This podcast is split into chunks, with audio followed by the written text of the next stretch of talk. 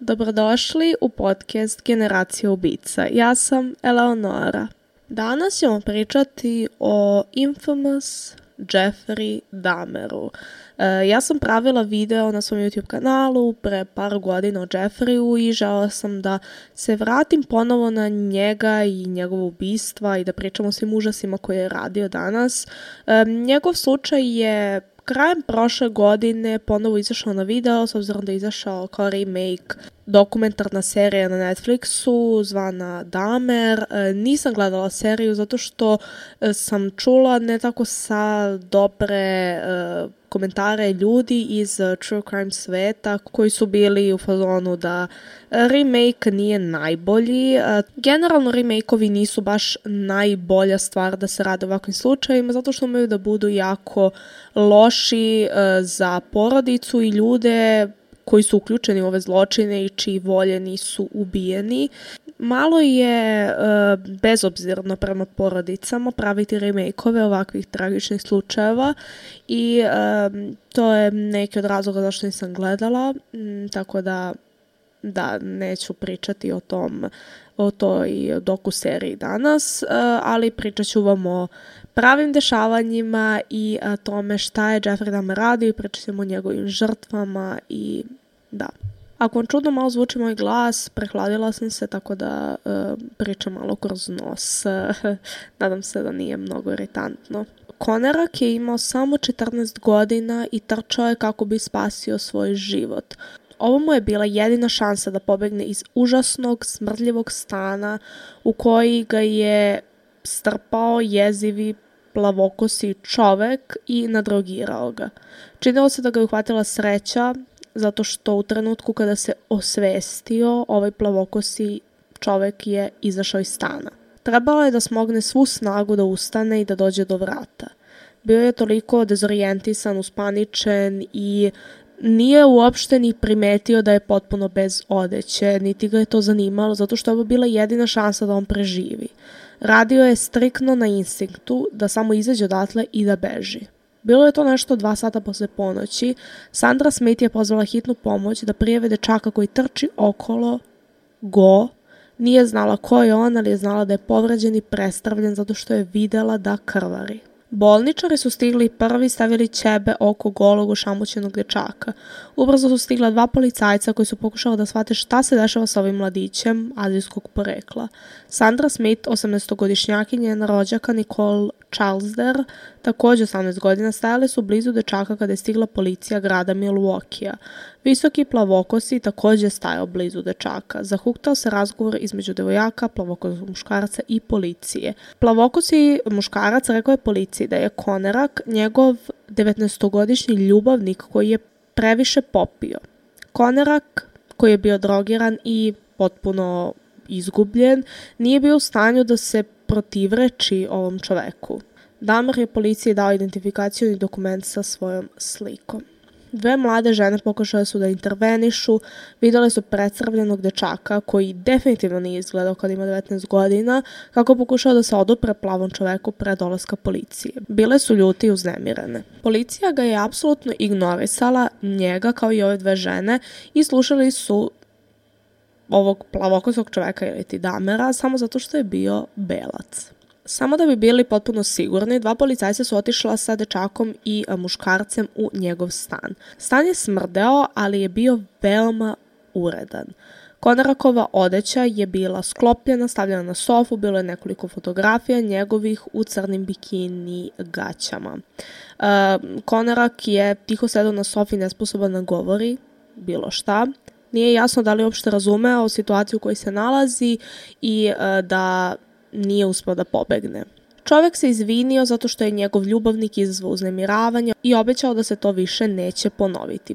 Policija mu je poverovala. Nisu imali razloga da mu ne poveruju. Bio je elokventan, inteligentan i veoma smiren. Azijat je očigledno bio pijan i potpuno dezorijentisan. Policajci su, ne želeći da uđu u sred um, ove svađe između dva homoseksualna ljubavnika izašla iz stana dok je Konerak i dalje mirno sedao na sofi. U tom kraju smatrali su da ima hitnih stvari koje moraju da urade i bitnije ljude koje treba da uhapse.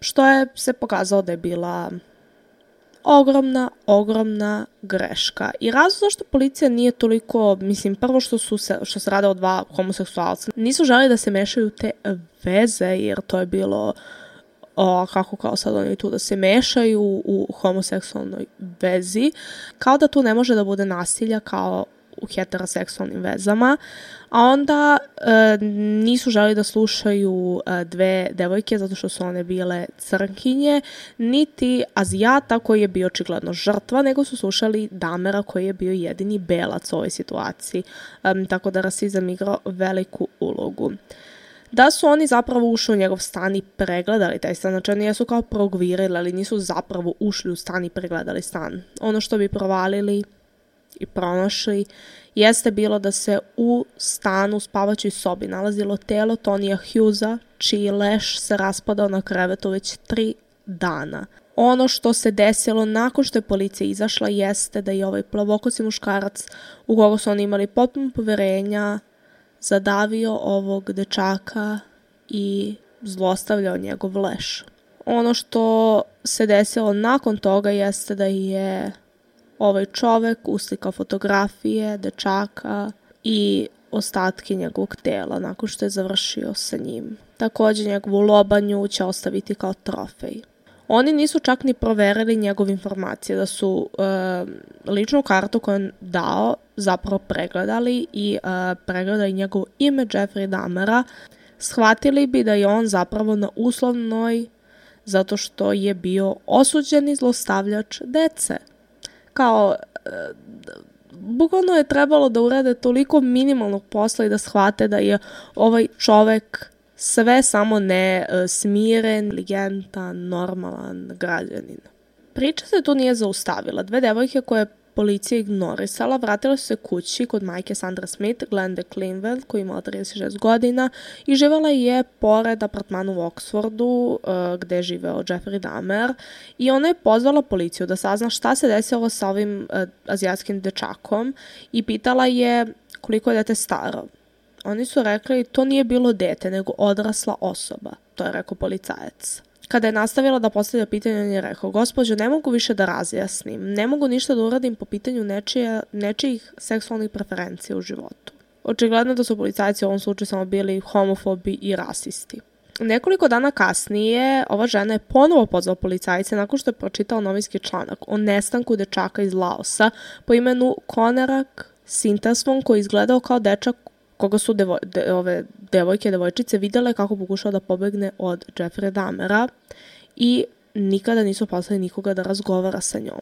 Ona je čak pokušavala da stupi u kontakt i sa FBI-em u Milwaukee, ali se ništa toga nije desilo. Ona je zapravo želela da pomogne policiji da pronađu i uhvate Jeffrey Dahmera, koji se kasnije saznao je bio jedan od najvećih serijskih ubica i najužasnijih ljudi ikada i oni nisu slušali. I mogu da potpišem prvo zato što je bila žena, drugo zato što je bila crnkinja.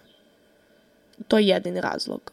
Da je bio beli muškarac, policija bi ga slušala. Ništa se nije dešavalo sve do ponedeljka nekoliko meseci kasnije, 22. jula 1991. godine, kada je nastao pakao. Dva policajca Milwaukee su se vozili u oblasti visokog kriminala oko univerziteta Market. Um, bilo je dosta vruće, vlažno i miris komšiluka je bio još oštriji na vrućini. Đubre, urin, užegli smrad, kuvane masi, prosto je smrdalo užasno i ovo je inače bio deo gde je bilo dosta kriminala, droge, prostitucije i sličnih stvari, um, tako da se Jeffrey savršeno uklopio u komšiluk. Oko ponoći, dok su dvojica policajca sedala u svom automobilu, ugledali su niskog crnca sa lisicama na zglobovima. Pod pretpostavkom da je ovaj čovek pobegao nekom drugom policajcu, pitali su ga šta radi. Čovek je počeo da priča o ovom čudnom tipu koji mu je stavio lisice u njegovom stanu. Taj čovek bio je 30-godišnji Tracy Edwards. Edwardsova priča ličila je na neki homoseksualni susret koji bi policija inače izbegavala, ali dvojica policajca su mislili da treba da provera ovog čoveka koji je stavio lisice na Edwarda koji je živo u apartmanu u Oxford ulici 924 North uh, 25 Fifth Street, uh, vrata stana 213. Vrata je otvorio 31-godišnji plavokosti muškarac lepog izgleda. Jeffrey je bio veoma miran, razuman, ponudio da uzme ključ od lisice u spavaćoj sobi. Edward se setio da je nož koji mu je Damer pretio takođe bio u spavaćoj sobi. Jedan od policajaca odlučio da sam uđe u spavaću sobu i pogleda. Primetio je fotografije koje su ležale okolo, koje su ga šokirale. Raskomadana ljudska tela, lobanje u frižideru. Kada se pribrao, Povikao je svom partneru da stavi damer u lisice i da ga uhapsi. Mirni, racionalni plavokosi muškarac se da okrenuo protiv njih i potukao se dok je drugi policajac pokušao da mu stavi lisice. Dok je jedan pokorio damera, drugi otišao do frižidera i otvorio ga. Glasno je vrisnuo u lice koje je zurilo u njega i zalupio vrata. U frižideru je glava. Pažljive ispitivanje stana otkrilo je intimnu suprostavljenost sređenog i neizrecivog. Um, dok je mali jednostavan stan bio uredan, čist, posebno za neženju, znači ne očekujete da kao muškarac sam živi u stanu i da je stan tako lepo sređen. Imao je i ribu, ljubimca koju je čuvao, koji je bio potpuno lepo negovan, nahranjen. Međutim, miris je bio užasan, miris raspadanja, miris smrti. Kutija sode bikarbona u frižideru jedva je upijala miris raspadajući od sečene glave koje se nalazilo u njoj. Zamrazivač je imao još tri glave uredno spremljene u plastične kese i vezane plastičnim uvijačima. Imali ste uh, jedna vrata koja se vode u spavaću sobu, orman za spavaću sobu, kao i kupatilo. Imao je metalnu posudu kojom se nalazilo u romanu gde je bilo nekih ostataka tela i na polici iznad kamina je imao dve lobanje. U romanu su bili uh, kontejneri sa etil alkoholom, hloroformom i formaldehidom zajedno sa staklenim teglama sa muškim genitalijama sačuvanim u formaldehidu. Polaroidne fotografije koje je Damer napravio u različitim fazama smrti svojih žrtava, jedna je pokazivala mušku glavu sa još netaknutim mesom kako leži u lavabou, druga je prekazivala žrtvu rasečena od vrata do prepona.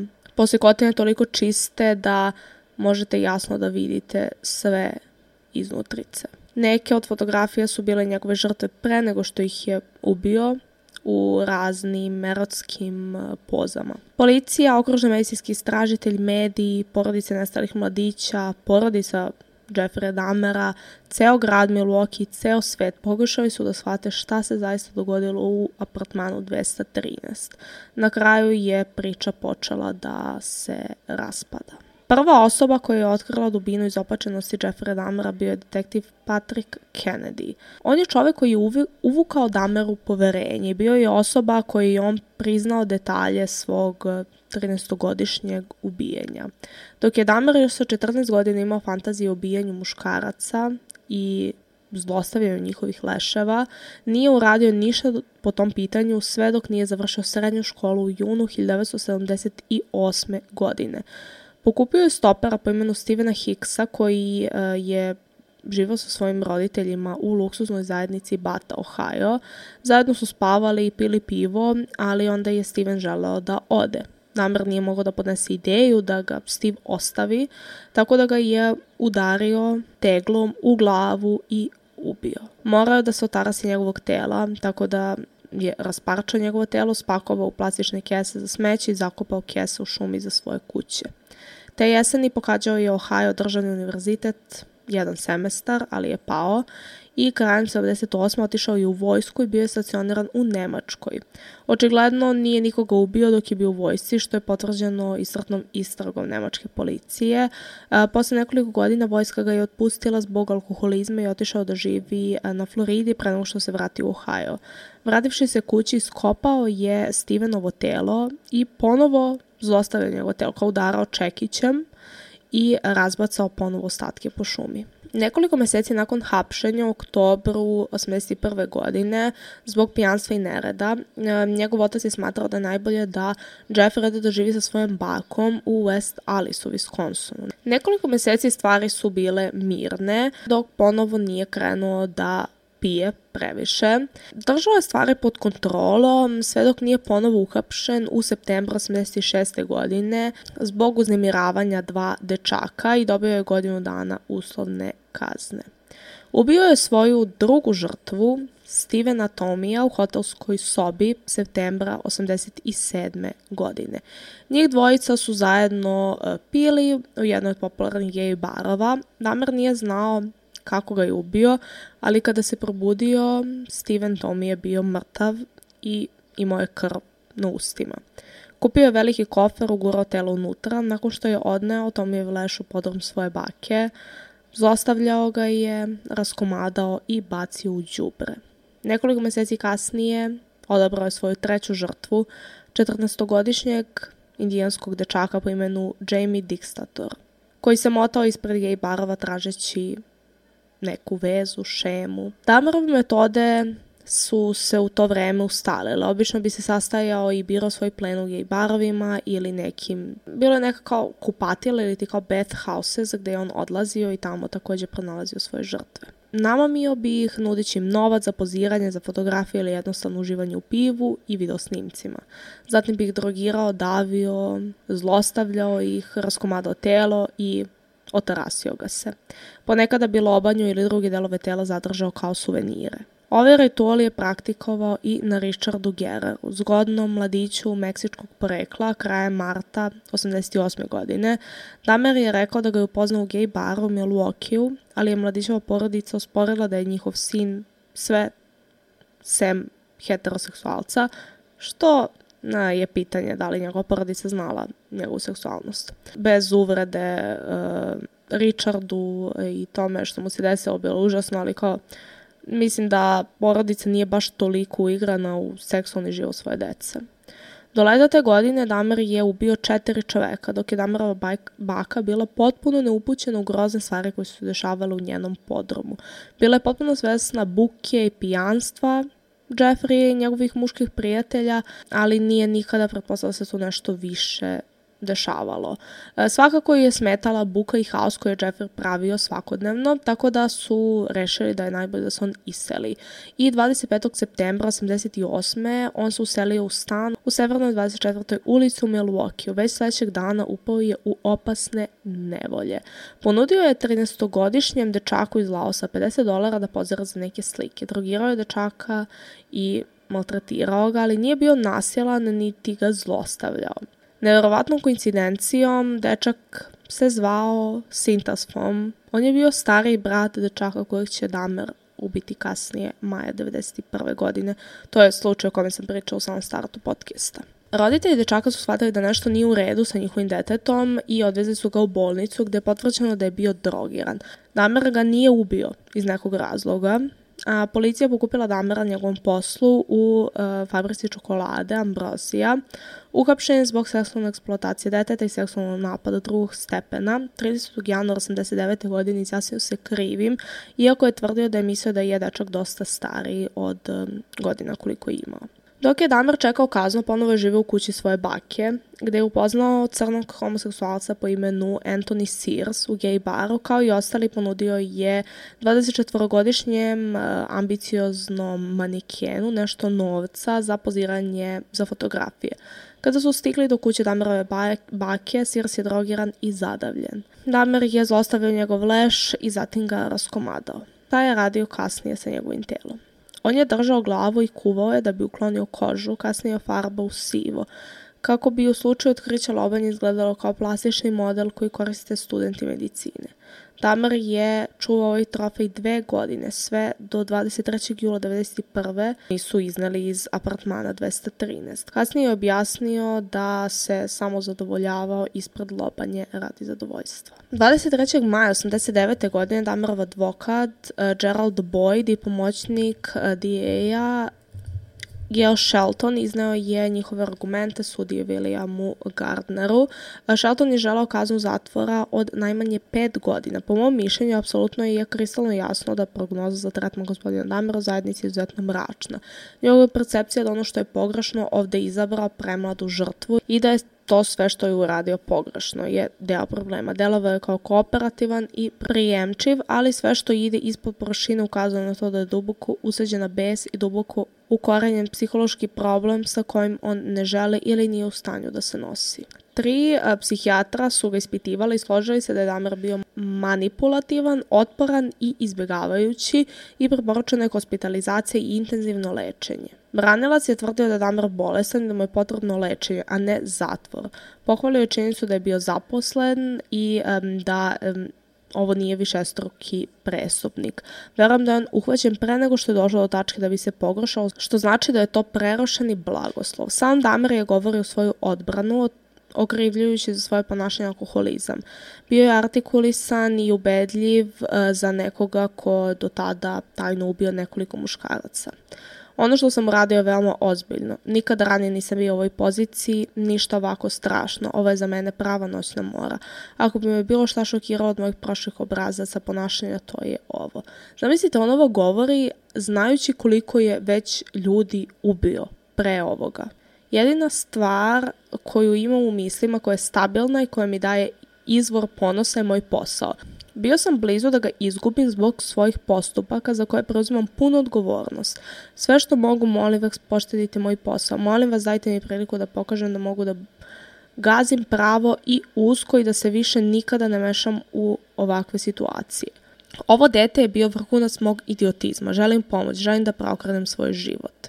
Sjajna predstava pravog psihopate, sudija je pao na to, odložio kaznu i stavio Damara na pet godine uslovne kazne.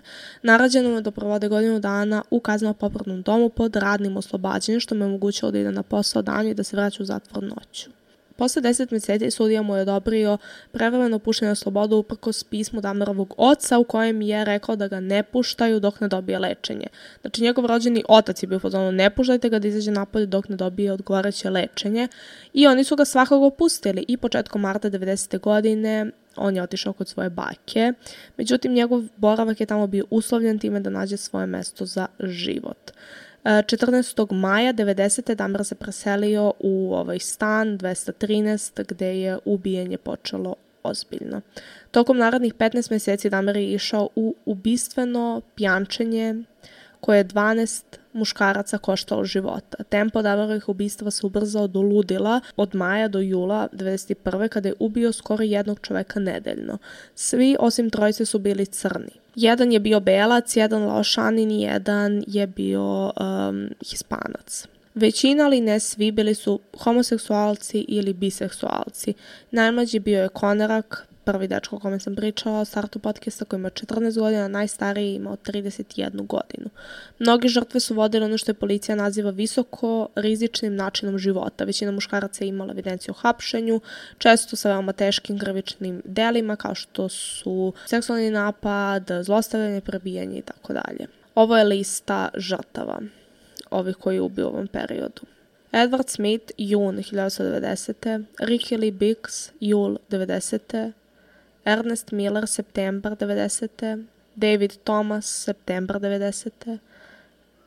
Curtis Strotter, februar 91. Errol Lindsay, april 91. Anthony Hughes, 24. maj 91. Konerak, 27. maj 91. Matt Turner, 30. jun 91. Jeremiah Weinberger, 5. jul 91. Oliver Lazy 20. jul 1991. Joseph Bradehoft 19. jul 1991. Njegov ritual za namamljivanje, ubistvo i odlaganje svojih žrtava obično je bio isti. Pozvao muškarca u svoj stan da gledaju seksualno eksplicitne video snimke ili da poziraju za fotografije, Zdrobio je propisane sedative i poslužio ih u piće. Jednom drogirani Damir bi ih zadavio golim rukama ili kožnim kajšem. E, često bi zlostavljao leš, a kasnije se samo zadovoljavao na njemu. Pre nego što je bilo kakvo čišćenje počelo, Damer je posegnuo za svojim poloridom kako bi zabeležio celokupno iskustvo, kako bi mogao da se seti svakog ubistva. Zatim bi im rasekao torzo, bio je fasciniran bojom iznutrica i bio je seksualno uzbuđen toplotom koju bi odavalo sveže ubijeno telo. Konačno, on bi raskomadao čoveka, fotografišući svaku fazu procesa za buduće zadovoljstvo gledanja. Odbacio većinu tela, eksperimentišući sa raznim hemikalijama i kiselinama koje bi pretvorile meso i kosti u crni mulj odvratnog mirisa, koji bi mogao da se izlije u odvod ili toalet. Neke delove tela je odlučio da zadrži kao trofeje, često genitalije i glavu. Genitalije su očuvane u formaldehidu, glave su se kuvale dok se meso ne skine, kada je lobanja bila gola, farbao je sivom bojom da izgleda kao plastika. Nije neobično kod nekrofila kanibalizam. Um, Damar je tvrdio da je jeo meso svojih žrtava jer je verovao da će ljudi ponovo uživati u njemu, kao da će njegove žrtve kroz meso koje on pojede da žive kroz njega. Isprobavao bi razne načine kuvanja, začine, sredstva za omekšavanje mesa kako bi ljudsko meso bilo ukusnije. Njegov čuveni zamrzivač sadržao je trake smrznutog ljudskog mesa, probao je ljudsku krv, ali mu se nije dopao ukus.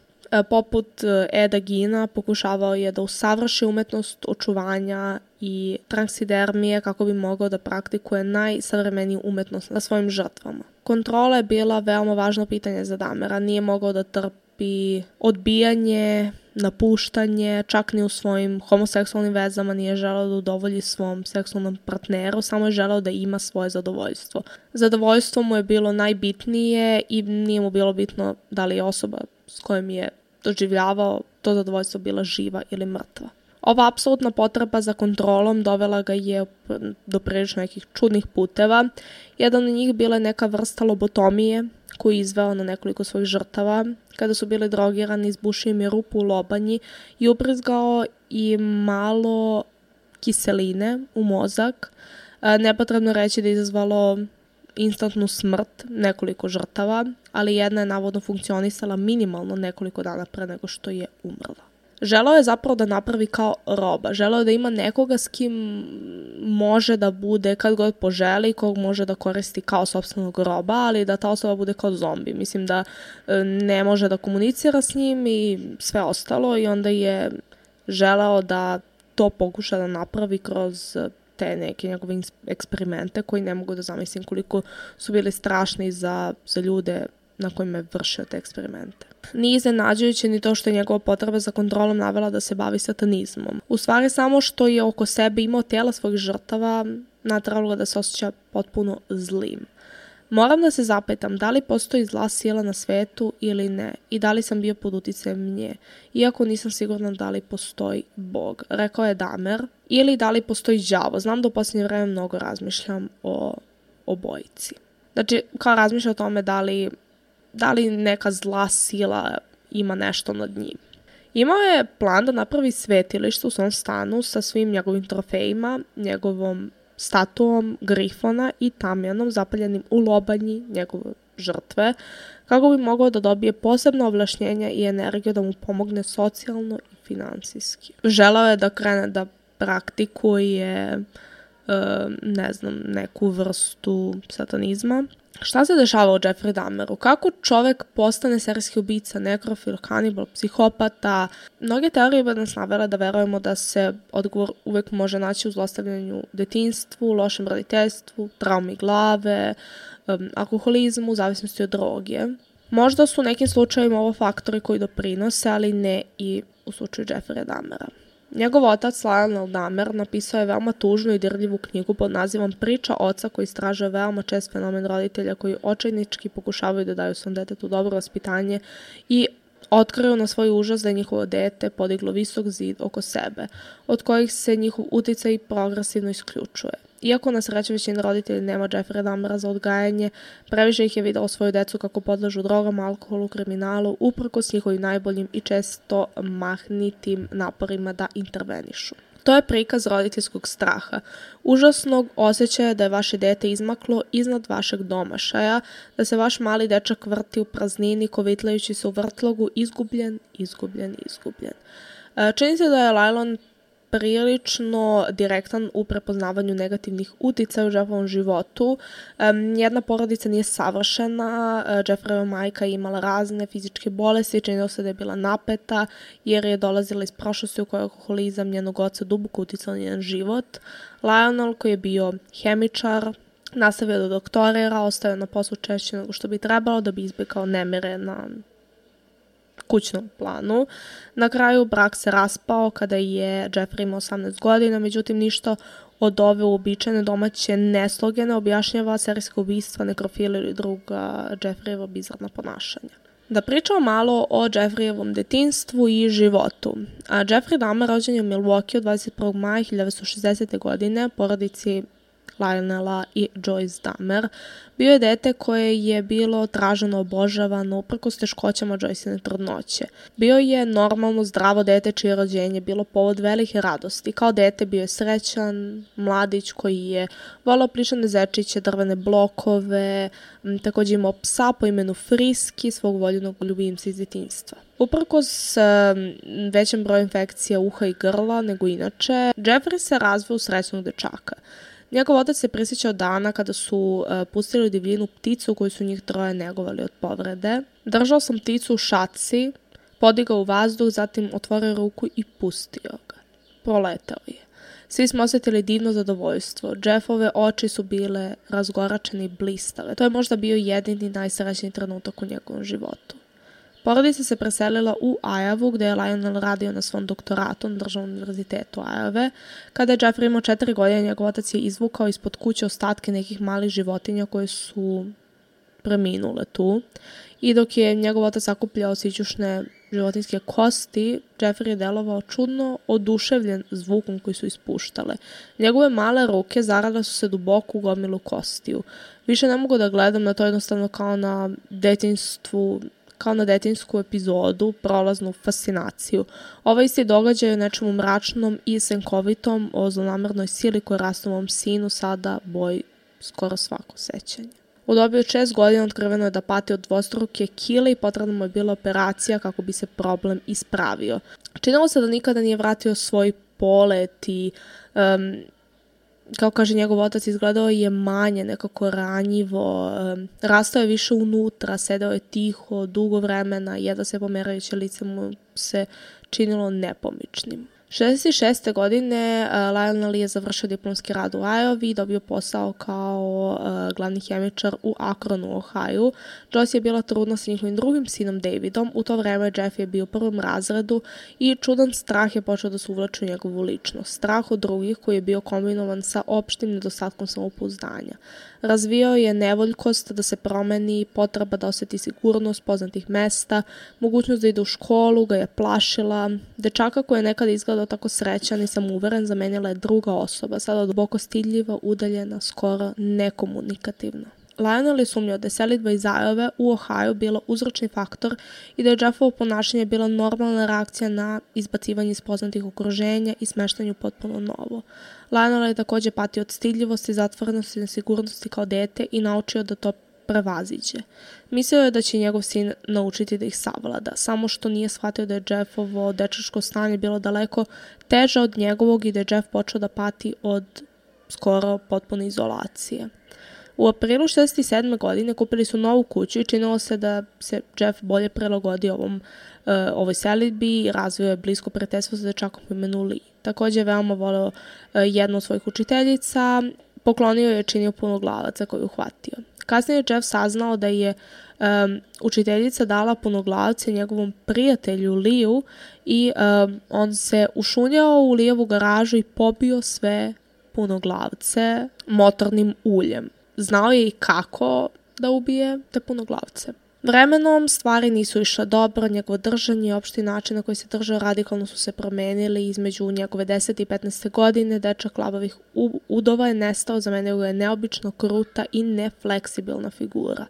Izgledao je napeto, telo mu je bilo veoma ravno i u to vreme je postao sve stidljiviji i um, kada bi mu prilazili drugi ljudi postajao bi veoma napet. Sve više je ostajao kod kuće, sam u svojoj sobi ili zureći u televiziju. Njegovo lice često bilo prazno i ostavljao je manje više trajan utisak nekoga ko ne može ništa drugo osim da se mota okolo besmislen i neaktivan. Znači, Jeffrey je stvarno bio, bio jako čudan i to ponašanje sada može da se poveže, mislim, sa njegovim detinstvom da je od tada krenulo. Imao je jednog prijatelja koji se udaljio od njega sa 15 godina.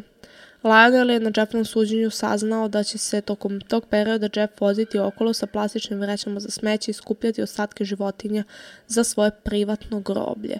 Skidao bi meso sa tela ovih trulih životinja ubijenih na putu i čak bi nataknuo pseću glavu na kolac.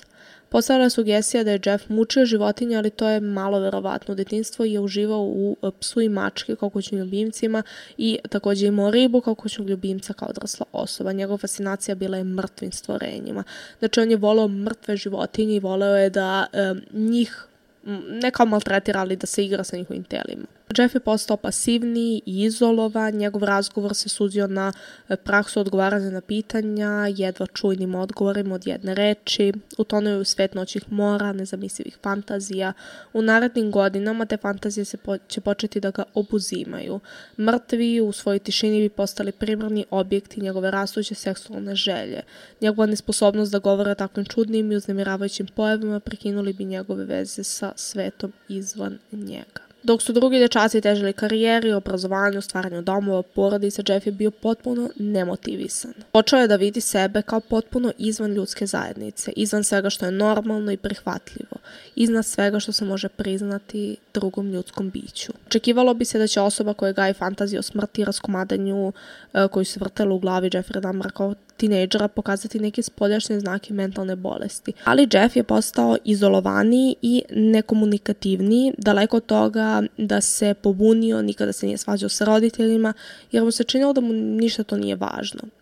Mislim da je dovoljan znak njegovih mentalnih problema samo to koliko se izolovao od ostatka sveta, da imao veliku socijalnu anksioznost i depresiju. U srednjoj školi Jeff je imao prosječne ocene, učestvovao u nekoliko aktivnosti. Igrao je tenis, radio u školskim novinama, međutim drugovi iz razreda su ga smatrali usamljenikom i alkoholičarem koji je često pio alkohol za vreme škole. Njegovi drugovi iz razreda se sećaju poteza koji je izveo kada se uvrstio u fotografiju iz godišnjaka članova nacionalnog počasnog društva. Osoblje godišnjaka je na vreme uhvatilo šalu i zatamnilo Jeffovu sliku. Koji je Jeff postajao pasivniji, strasti između Lionela i Joy su se povećavale. To je kulminiralo razvodom kada je Jeff imao skoro 18 godina. To je nešto što je Jeffrey dodatno pogodilo jeste što su se njegovi roditelji svađali oko starateljstva nad Davidom, njegovim bratom, ali ne i nad starateljstvom nad njim, iako još uvek nije imao 18 godina u tom trenutku. Lionel je dosta propustio u vezi sa Jeffreyim problemom sa alkoholizmom, dok njegova nova supruga to nije. Nekoliko meseci nakon razvoda Lionel se ponovo ženio i njegova nova supruga Shari je uz pomoć Lionela ubedila Jeffa da isproba ideju o koleđu. I u jesen uh, 78. odvezi su ga na državni univerzitet u Ohio. Međutim, on je nastavio da pije ceo taj semestar i pao je, nije uspeo da završi ispite koje je morao. U to vreme on je bio potpuno svestan svog problema sa alkoholom, ali u isto vreme nije želao da traži pomoć. Lionel mu je dao dve opcije. Ili da pronađe posao s obzirom da nije žao da ide na koleđ ili da se pridruži vojci, vojsci. Kada je Jeff odbio da dobije posao, ostala mu je druga opcija da ode u vojsku. Od tog trenutka, znači to je bilo negde deseta godina pre nego što je Jeffrey na kraju uhapšen. Lionel i njegova žena su samo pokušavali da mu pomognu i izgledalo bi kao da mu ide dobro, a onda bi bilo jasno da mu ide jako loše. E, kao kada je bio u vojsi, činilo se da uživa u vojsi, ali onda je odjednom bio rano otpušten zbog e, alkoholizma, potom se preselio kod bake, zaposlio, ali je potom uhapšen zbog pijanstva i nereda. E, prekršaj su se pogoršavali, kako su se njegov alkoholizam i emocionalni problemi intenzivirali. Nepristojno razotkrivanje, zatim zlostavljanje dece, i na kraju najstrašnije otkriće od svih, kada ga je policija uhapsila zbog višestrukih ubistava.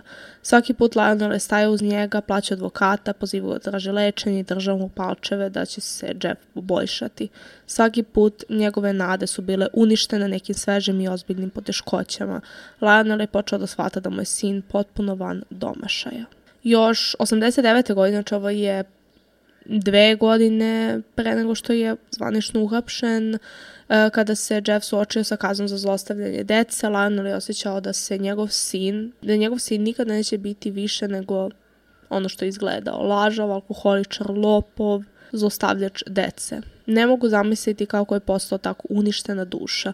Po prvi put više nisam verovao da će samo moji na, napori i sredstva biti dovoljni da spase mog sina.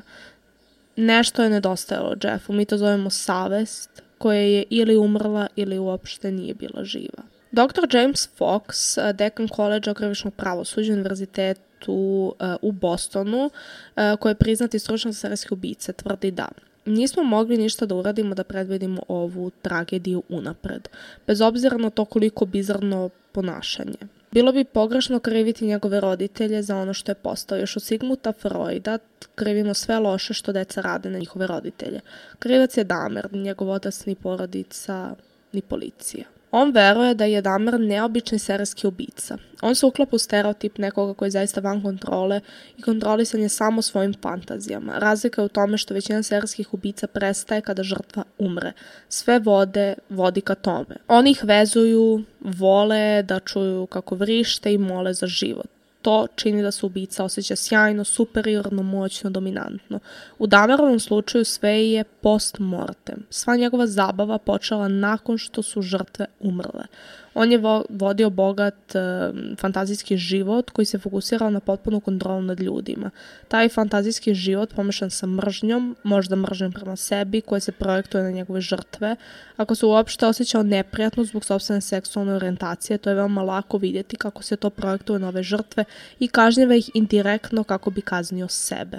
Serijski ubica, psihopatologija, nekrofilija, kanibalizam. Nijedno od ovih fenomena nije jedinstven za savremeno doba. Odgovori koje objašnjava ove pojave ulaze i izlaze iz mode. Danas genetika dobija prednost nad e, behaviorizmom, u objašnjavanju zašto ljudi postaju kriminalci. U slučaju Jeffrey Dahmera to je možda jedino objašnjenje. Obezbeđenje oko suđenja Jeffrey Dahmera bilo je jedinstveno u istoriji Milwaukee-a, bilo je toliko puno policajaca, čak i uh, pasa koji su uh, njušili za potencijalne eksplozive. Svi koji su pušteni u sudnici su pretrasani i proveravani detektorom metala. U sudnici barijera visoka 8 stopa napravljena je od stakla i čelika otporena na metke dizajnirana da izoluje Dahmera od galerije. Uh, od 100 raspoloživih mesta 23 bile su za novinare, 34 za porodice Dahmerovih žrtava, prostali 43 za publiku. Ključni akteri ovoj pravnoj drami, pored samog Jeffa Dahmera, bili su sudija Lawrence Graham mlađi, okružni tužilac Michael McCann, advokat Gerald Boyle koji je branio Dahmera u prošlosti, Lionel i Sherry Dahmer su prisustovali svakoga dana. 13. jula 1992. Dahmer je ignorisao savjet svog advokata i promenio svoje izjašnjavanje o krivici, ali ovoga puta da je bio lud. Umesto da dokaže da njegov klijent nije počinio ubistvo, advokat je želeo da dokaže da samo luda osoba može da uradi stvari koje on uradio. Sa druge strane, Mike McCann je želeo da dokaže da Damer nije pravno ludi, da je znao da ono što radi je pogrešno, ali je to ipak radio. Drugim rečima, Damer je bio zli, zli psihopata koji je namamio svoje žrtvi hladnokrvno ih ubio. 29. januara 92. izabrana je porota, um, izabran je samo jedan crnac, što je izazvalo protest među članovima porodice. Čitav slučaj je ozbiljno polarizirao zajednicu po rasnoj liniji od trenutka kada je javnost čula priču Glende, Cleveland do otkrića da su većina njegovih žrtava crnci. Sada je izgledalo kao da je ova porota od šest belaca i sedam belih žena samo još jedan primer rasne nepravde. Odbrana se sastojala od 45 svedoka koji bi potvrdili različite aspekte Damerovog bizarnog ponašanja i pokušali da dokažu um, Damerov seksualni i mentalni poremeć i isprečavaju da razume prirodu svog zločina. Svaki užasni detalj onoga što je Damer navodno uradio svojim žrtvama i svaka stvar koja mi kada pala na pamet bila je fair igra. Cilj je bio da se ubedi porota da se takvi navodni postupci i tako navodna razmišljanja nisu dešavala sa čovekom koji je zdrav advokat bi e, bacio pitanje poroti, da li je bio zao ili je bio bolestan. Kada je došlo vreme e, tužilaštva da iznese svoj slučaj, Damer je, kako im je rekao, bio majstor manipulator i varalica koji je tačno znao šta da radi na svakom koraku, sposoban da uključi i isključi svoje porive sa lakoćom kao da pritisne prekidač za svetlo. Da li je napadao druge vojnike dok je bio u vojsci? Ostali studenti dok su bili na državnom univerzitetu u Ohaju? Ovo ubistva, rekao je, nisu bila dela ludaka, već rezultat pažljivog planiranja. A dva detektiva su se smenjivala čitajući preznanje od 160 stranica u kojima je Damer dao jasan opis uh, svih seksualnih perverzija koje je radio. Damer je izjavio kako osjeća ogromnu krivicu zbog kojih postupaka, osjećao se potpuno zao. Teško mi je da poverujem da je ljudsko biće moglo da uradi ono što sam ja uradio, ali znam da sam to uradio.